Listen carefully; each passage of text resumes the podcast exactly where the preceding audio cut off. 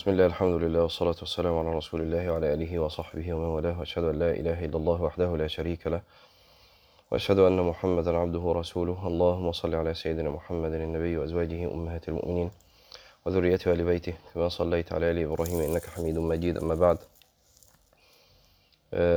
قال قوله صلى الله عليه وسلم أسألك خشيتك في الغيب والشهادة وكلمة الحق في الغضب والرضا والقصد في الفقر والغنى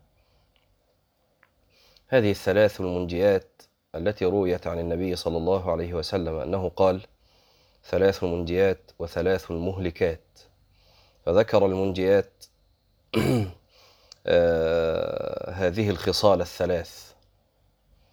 والمهلكات شح مطاع وهوى متبع وإعجاب كل ذي رأي برأيه. وروي أن سليمان عليه السلام قال أوتينا مما أوتي الناس ومما لم يؤتوا وعلمنا مما علم الناس ومما لم يعلموا. فلم نجد شيئا أفضل من هذه الثلاث من هذه الثلاث خصال. وقال نافع بن سليمان قال عيسى بن مريم عليه السلام ثلاث من كن فيه بلغ ما بلغت. تقوى الله في السر والعلانية. والعدل في الغضب والرضا والقصد في الغنى والفقر.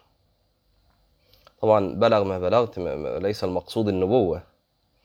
يعني ما وإنما كأنه يعني يقصد بلغ ما بلغت من من الحكمة من يعني هذه الأمور يعني. ولكن ليس مقصود النبوة قطعا. خلاص وإحنا أهل السنة النبوة عندنا لا تنال بالكسب يعني. النبوة ليست كسبية. خلاص؟ هذه مسألة تبحث في الاعتقاد. أن النبوة ليست كسبية يعني إيه؟ يعني مش واحد هيقعد يجتهد شوية فهيبقى نبي. لا ما ما في مش كده. إنما هي وهبية توهب من الله عز وجل.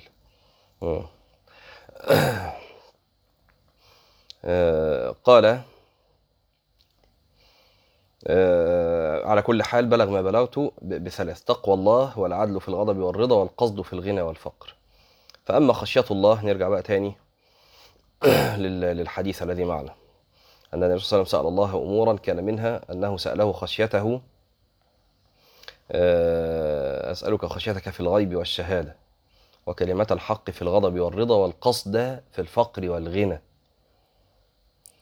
قال فأما خشية الله في الغيب والشهادة فالمعنى فالم فالمعنى بها أو فالمعني بها هكذا أن العبد يخشى الله سرا وإعلانا وظاهرا وباطنا فإن أكثر الناس يرى أنه يخشى الله في العلانية وفي الشهادة ولكن الشأن في خشية الله في الغيب. إذا غاب عن أعين الناس وقد مدح الله من يخافه بالغيب فقال تعالى الذين يخشون ربهم بالغيب وهم من الساعة مشفقون. يعني وانت لوحدك. حالك إيه مع ربنا سبحانه وتعالى؟ أسألك خشيتك في الغيب والشهادة. في الغيب يعني في حال كونك غائبا عن الناس خلاص؟ الذين يخشون ربهم بالغيب. أه وقال من خشي الرحمن بالغيب وجاء بقلب منيب وقال ليعلم الله من يخافه بالغيب وقال إن الذين يخشون ربهم بالغيب لهم مغفرة وأجر كبير.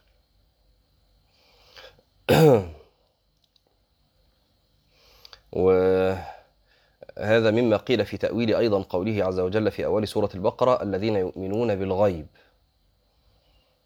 هنا الباء إما تكون على المعنى المتبادل إلى الذهن الذين يؤمنون بالغيب يعني بأمور الغيب.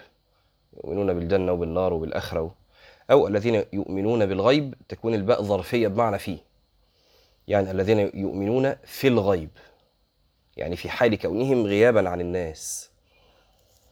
وقد فسر الغيب في هذه الآيات بالدنيا لأن أهلها في غيب عما وعدوا به من أمر الآخرة. يخشون ربهم بالغيب. إزاي بالغيب؟ يعني قالوا يعني في الدنيا. طيب ليه تسمت غيب لأن أهل الدنيا في غيب عما وعدوا به من أمر الآخرة.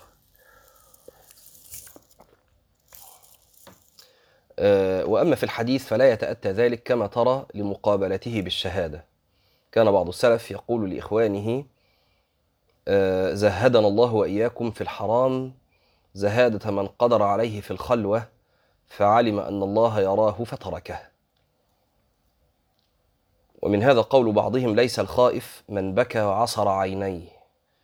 إنما الخائف من ترك ما اشتهى من الحرام إذا قدر عليه. ومن هنا عظم ثواب من أطاع الله سرا بينه وبينه ومن ترك المحرمات التي يقدر عليها سرا. فأما الأول يعني من أطاع الله سرا فمثل قوله تعالى تتجافى جنوبهم عن المضاجع. إلى قوله فلا تعلم نفس ما أخفي لهم من قرة أعين. آه، طبعا قيام الليل من أجل العبادات ومن الأمور التي جعلت قيام الليل من أجل العبادات أنه آه، من من أكثر العبادات قربا إلى الإخلاص وبعدا عن الرياء. ليه؟ لأن مفيش حد دريان بيك. تتجافى جنوبهم عن المضاجع يدعون ربهم خوفا وطمعا ومما رزقناهم ينفقون. فلا تعلم نفس ما أخفي لهم من قرة أعين. وهنا قيل أنهم أخفوا عبادتهم فأخفى الله ثوابها. تتجافى جنوبهم عن المضاجع. يا رب ثوابهم إيه بقى؟ فلا تعلم نفس ما أخفي لهم من قرة أعين. لما أخفوا عبادتهم عن الناس أخفى الله ثواب وجزاء هذه العبادة. وطبعا إخفاء الله عز وجل لهذه لهذا الثواب دليل على عظم الثواب. خلاص؟ عارف لما يجي حد كده من الملك من ملوك الدنيا يقول لك اللي هيعمل كذا هديله كذا واللي هيعمل كذا هديله اللي هيعمل كذا بقى ده ليه عندي حاجة كبيرة قوي أو أو ليه عندي اللي ما حاجة يعني حاجة مش هقول عليها. هكذا. قال بعض السلف أخفوا لله العمل فأخفى لهم الجزاء. وفي حديث السبعه الذين يظلهم الله في ظله يوم لا ظل إلا ظله رجل ذكر الله خاليا ففاضت عيناه. يبقى هنا الشرط أن يكون الذكر خاليا مفيش حد معاه ولا حد شايفه ولا حد داري بيه. ورجل تصدق بصدقة فأخفاها حتى لا تعلم شماله ما تنفق يمينه. كل ده عبادات تم إخفاؤها. عبادات فعلت سرا. وفي الحديث إذا صلى العبد في العلانية فأحسن وصلى في السر فأحسن قال الله هذا عبدي حقا. وفي حديث آخر من أحسن صلاته حيث يراه الناس وأساءها حيث لا يراها أحد فتلك استهانة يستهين العبد بها ربه. ما هو معنى كده إن هو بيحسن صلاته آه، لما يرى من نظر الناس له. بدليل أنه لما خلى بربه عز وجل أساء صلاته. وأما الثاني اللي هو بقى بيترك الحرام سرا فمثل قوله صلى الله عليه وسلم في السبعة الذين يظلهم الله في ظله يوم لا ظل إلا ظله ورجل دعته امرأة ذات ذات حسن وجمال آه وأنا أحفظها ذات منصب. فقال إني أخاف الله رب العالمين. ومثل الحديث الذي جاء في من أدى دينا خفيا أنه آه يخير في أي الحور العين شاء. والموجب والموجب لخشية الله في السر والعلانية أمور. منها قوة الإيمان بوعده ووعيده على المعاصي. يبقى كأني آه، يعني كأن قائلا يقول الآن طيب كيف أحصل خشيته سبحانه وتعالى في السر؟ فنقول له بحاجات. أول حاجة تتفكر في الوعد والوعيد على المعاصي. الوعد على الطاعة والوعيد على المعصية. يبقى وأنت قاعد لوحدك ودعتك نفسك لمعصية. أو قاعد لوحدك وكسلت نفسك عن أداء طاعة. أو دعتك نفسك إلى أداء الطاعة على وجه لا ينبغي. تقوم تذكر نفسك بوعد خشية الله عز وجل في السر. ومما ذكرنا بقى من الآيات والأحاديث. أو تذكر تذكر نفسك بالوعيد على هذه على المعصية الفلانية دي بعينها بقى. خلاص؟ ومنها النظر في شدة بطشه وانتقامه.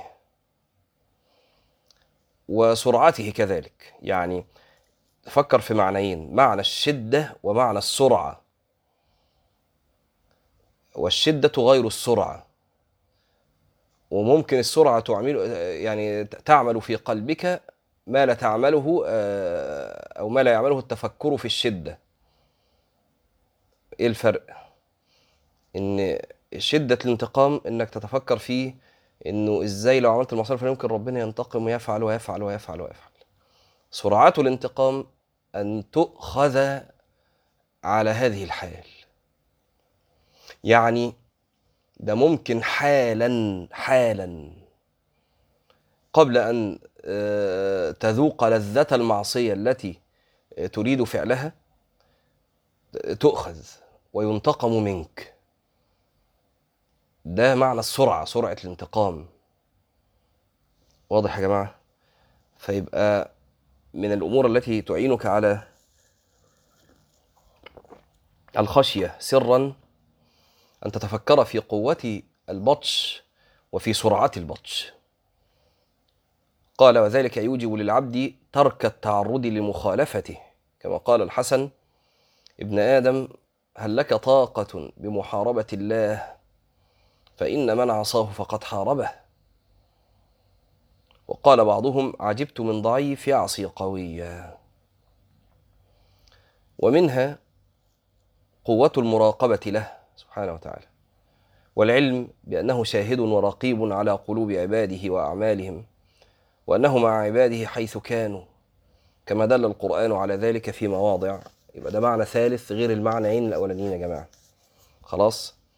يبقى أول معنى ذكره آه إنك تتفكر في الوعد والوعيد والتاني تتفكر في قوة الانتقام وقوة البطش والقهر وأنا زودت لكم كمان سرعة الإيه؟ الانتقام وسرعته القهر والبطش. ومنها بقى أن تتفكر في المراقبة وأنه سبحانه وتعالى معك أينما كنت. خلاص وده معنى مرعب لوحده الحقيقة. بل أكاد أجزم أنه لم يعص من عصى إلا وهو غافل عن هذا المعنى. أكاد أجزم بهذا.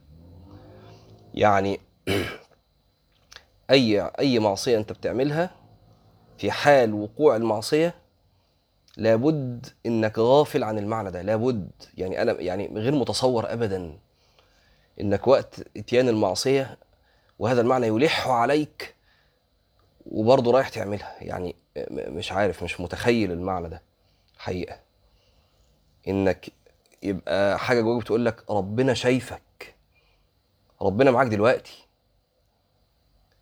وقلبك آه، متلبس بهذا المعنى تلبسا قويا وأنت برضه رايح تعمل معصية آه، الحقيقة مش آه، يعني غير متصورة أصلا. خلاص؟ إلا يبقى المعنى بقى ضعيف جدا جدا جواك خافت. أنا ليه بقول كده يا جماعة؟ ليه بقول إن ده غير متصور؟ لأنه غير متصور في من هو أدنى من الله من أحد خلقه. يعني إيه؟ يعني لو أنت رايح تعمل معصية معينة وهذه المعصية فيها نوع خسة ولا نوع دناءة ولا كذا وبعدين رايح تعملها ف خلاص هممت أن تفعل المعصية فبتضرب بعينك كده فوق لقيت إيه ده في كاميرا في المكان اللي أنت فيه ده كده في الكورنر كده. هتروح تعمل المعصية؟ مش هتعملها. ليه؟ خصوصا إذا كانت معصية مما يعني إيه يستطر به يعني. لأن في حد تاني شايفك. لأن في حد شايفك. فهذا المعنى صرفك عن المعصية لمجرد إن في مخلوق وكمان ده أنت على شك هو في حد شايفك ولا لأ؟ يعني أنت مجرد وجود الكاميرا مش معناه إن في حد دلوقتي قاعد قدام الشاشة مثلا بيبص. فأنت في شك أنت متشاف ولا مش متشاف. ومع ذلك مش هقول لك إنك هتسيب المعصية إنك إنك يعني ما زال إلحاح المعصية عليك كما هو. لا ده هيحصل حاجة عجيبة. عارفين إيه هي؟ هتلاقي إن قلبك انصرف عن المعصية. يعني مش مش جواك الحاح شديد على إتيان المعصية ولمجرد إنك شفت الكاميرا تركت وأنت جواك الإلحاح لا ده أنت هتلاقي فجأة فجأة انصرف قلبك عن المعصية. ليه؟ لأنه انشغل بمعنى تاني. أنتوا عارفين ال ال القلوب في حاجة كده آه، زي حتى الأطباء يقولوا لك إيه إنك لو عندك حاجتين بيوجعوك فتلاقي الوجع الأشد هو اللي إيه اللي يهيمن عليك لدرجة انك ممكن يبقى العضو اللي وجعك وجع أخف ما تحسش بالوجع خالص. عارفين الموضوع ده؟ فلو عندك نقح في إيدك مثلا آه حاسس بيه. أول ما يجي لك نقح في ضرسك أشد شوية تلاقي نقح ضرسك يخليك ما تحسش بالنقح اللي في إيدك. خلاص مع إن النقح موجود لكن تقول إيه ده ده, ده خفت فجأة. هي ما خفتش. هو الوجع الأعظم بي بيداري على الوجع الأقل. كذلك في المعاني القلبية يا جماعة. المعنى الأعظم ي- يداري على المعنى الأقل. فاذا كان أنت كان عندك معنى آه، هو حب المعصية الفلانية أو الشهوة العلانية أو كده فجأة فجأة ظهر معنى آخر وهو الخوف من الفضيحة. طيب فتلاقي خو الخوف من الفضيحة يداري على شدة الشهوة اللي كانت عندك دي. لدرجة إنك تقول إيه أنا فجأة لقيت نفسي ما بشتهي يعني طب فين حب المعصية؟ فين الشهوة اللي كانت جوايا؟ فين مش عارف هي راحت هي ما راحتش. خلاص هي ممكن تكون قلت أو كده لكن ما راحتش بالكلية. أمال إيه اللي حصل؟ شعور الخوف من يكون حد باصص في الكاميرا اللي أنت شفتها في الكورنر دي شعور الخوف دار على شعور الإيه؟ المعنى ده اللي ذكره النبي صلى الله عليه وسلم لعائشة. لما ذكر أن الناس تحشر يوم القيامة حفاة عراة غرلا يعني غير مختونين. فعائشة رضي الله عنها قالت ينظر بعضهم سوءة بعض. فالنبي قال لي عليه الصلاة والسلام يا عائشة الأمر أشد من هذا. الأمر أشد من هذا. يعني يا يا انت ماشي وعمال تبص على المتبرجات في الشارع أقول لك طب اصبر كده شوية أو المتبرجات دول هيبقوا عراة يوم القيامة. لكن ولا هتفكر تبص لحد. عارف ليه؟ لأن الأمر أشد من هذا. مم. خلاص. وعلشان تستشعر بقى معنى هذا المعنى شوف كده لو حصل حريق ولا حاجة في في بناية في عمارة ولا تلاقي الناس إزاي بتنزل تجري على السلالم و... خلاص وممكن يبقى آم، الناس نازلة باللي عليها باللي مش عارف. وتلاقي مفيش حد دريان بحد ولا حد فاضي يبص على حد ولا ليه؟ الأمر أشد من هذا. إحساس الخوف هو الإحساس الغالب. طيب نرجع تاني. لو قويت المراقبة بقى. عشان كده آه، لو تفتكروا بقى أول كلمة أنا قلتها لكم وهي اللي سحبتنا لكل الكلام ده إن معنى المراقبة ده لو تلبست به مش هتعصي.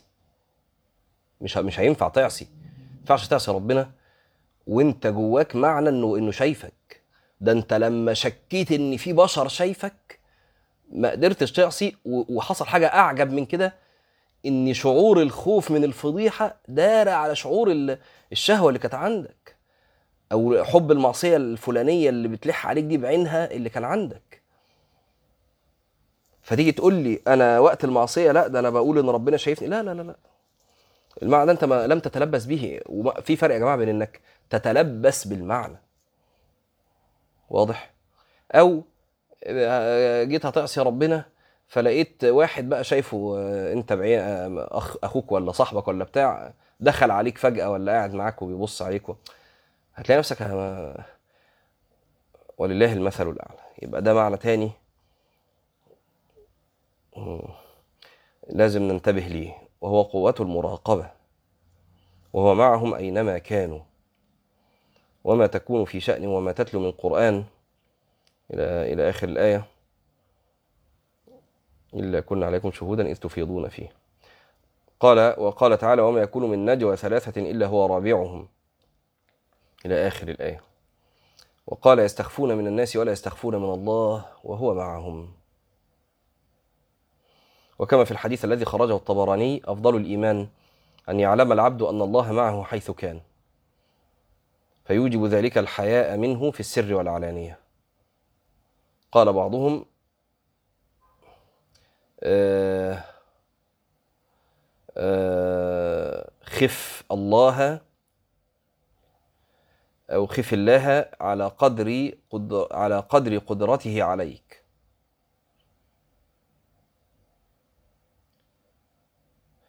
خف ولا خف بقى ولا إيه؟ خف. ماشي يعني مش مركز دلوقتي تبقى إيه. المهم يعني يعني تخاف من ربنا يعني. على قدر قدرته عليك واستحي منه على قدر قربه منك. وقال بعضهم لمن استوصاه اتق الله أن يكون أهون الناظرين إليك. وفي هذا المعنى يقول بعض يقول بعضهم يا مدمن الذنب أما تستحي؟ والله في الخلوة ثانيك. غرك من ربك إمهاله. وستره طول مساويك.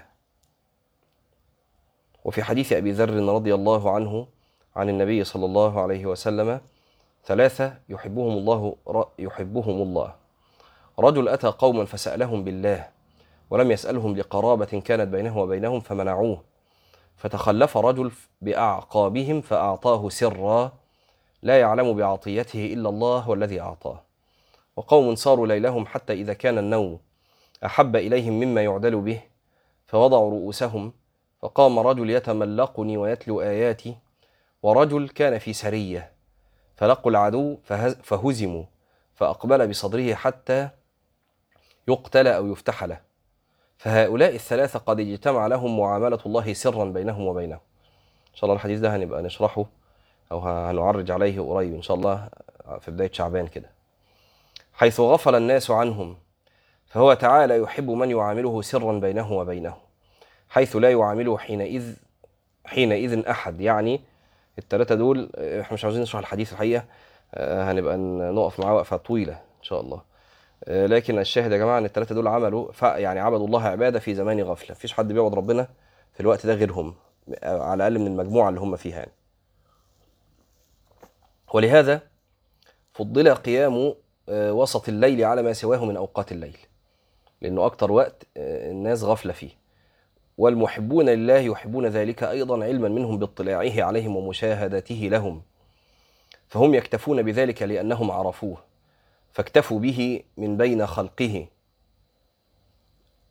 آه وعاملوه فيما بينه وبينهم معاملة الشاهد غير الغائب. وهذا مقام الإحسان قال بعض العارفين من عرف الله اكتفى به من خلقه. وكان بعض المخلصين يقول لا أعتد بما ظهر من عملي. أي عمل بعمله يظهر للناس خلاص بعتبره ما اتعملش. اطلع اطلع على بعض أحوال بعضهم فدعا لنفسه بالموت وقال إنما كانت تطيب الحياة إذ كانت المعاملة بيني وبينه سرا. وقيل لبعضهم ألا تستوحش وحدك؟ وانت قاعد لوحدك انت تقعد لوحدك كتير. ما بتزهقش ما بتستوحش. قال كيف أستوحش؟ وهو يقول أنا جليس من ذكرني. آنست آنستني خل خلواتي بك في كل آنستني خلواتي بك من كل أنيسي وتفردت فعاينتك في الغيب جليسي. قال وأما كلمة الحق في الغضب والرضا قال صلى الله عليه وسلم أسألك خشيتك في السر والعلانية وكلمة الحق في الغضب والرضا. فعزيز جدا. طبعا يا جماعة يبقى العزيز في المسألة الأولى هو الخشية في الغيب.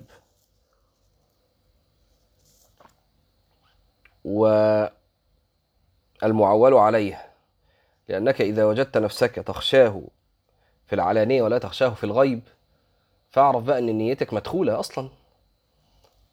أنت بقى راجع نفسك هو أنت بتخشى مين على التحقيق؟ ما هو لو كان ربنا فرب الغيب هو رب الشهادة. إشمعنى بقى بتخشاه في الشهادة ولا تخشاه في...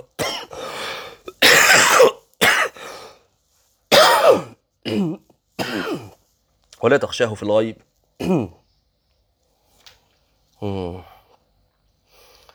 طيب وكلمة الحق في الغضب والرضا. هذا عزيز جدا وقد مدح الله من من يغفر عند غضبه. فقال وإذا ما غضبوا هم يغفرون. لأن الغضب يحمل صاحبه على أن يقول غير الحق ويفعل غير العدل. فمن كان لا يقول إلا الحق في الغضب والرضا دل ذلك على شدة إيمانه وأنه يملك نفسه. وخرج الطبراني من حديث أنس مرفوعة ثلاث من ثلاث من أخلاق الإيمان. من إذا غضب لا يدخله غضبه في باطل. ومن إذا رضي لا يخرجه رضاه من حق. ومن إذا قدر لا يتعاطى ما ليس له. وهذا هو الشديد حقا كما قال النبي صلى الله عليه وسلم ليس الشديد بالسرعة إنما الشديد الذي يملك نفسه عند الغضب. ولمسلم ما تعدون ذا السرع ذا السرعة فيكم. قلنا الذي لا تصرعه الرجال. قال ليس كذلك ولكنه الذي يملك نفسه عند الغضب. وقال رجل للنبي صلى الله عليه وسلم أوصني. قال لا تغضب. فردد مرارا قال لا تغضب. أخرجه البخاري. وفي المسند أن رجلا قال يا رسول الله ما يواعدني من عن غضب الله؟ قال لا تغضب. قال مور قال مورق العجلي ما قلت في الغضب شيئا إلا ندمت عليه في الرضا.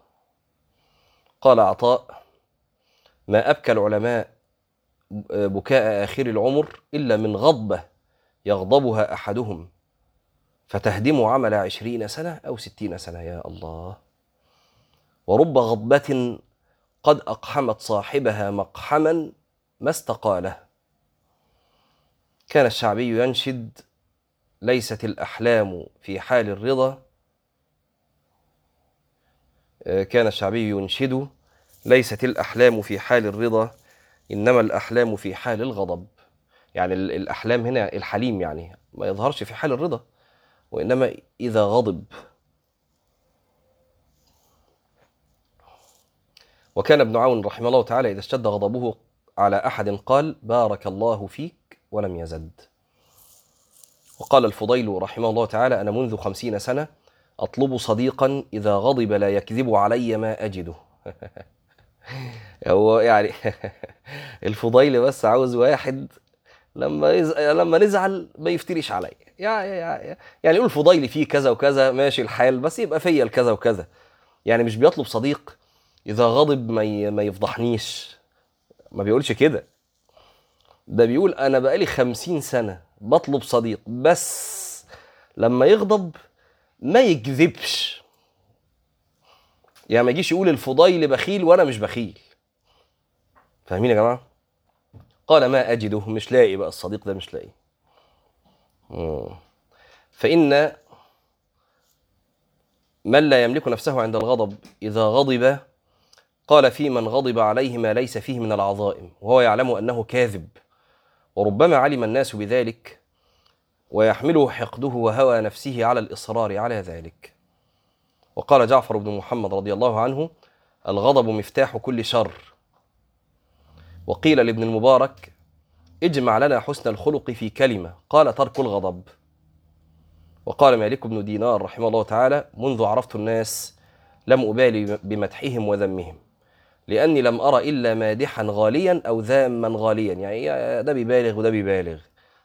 فما تفرحش باللي عمال يمدحك. أنت عارف إنك ما أنتش كده أصلا. يعني أنه لم يرى من يقتصد فيما يقول في رضاه وغضبه. ثم يتكلم بقى عن القصد في الفقر والغنى. نقف هنا. أقول قولي هذا وأستغفر الله العظيم لي ولكم. سبحانك اللهم وبحمدك. أشهد أن لا إله إلا أنت. نستغفرك ونتوب إليك. السلام عليكم ورحمة الله وبركاته.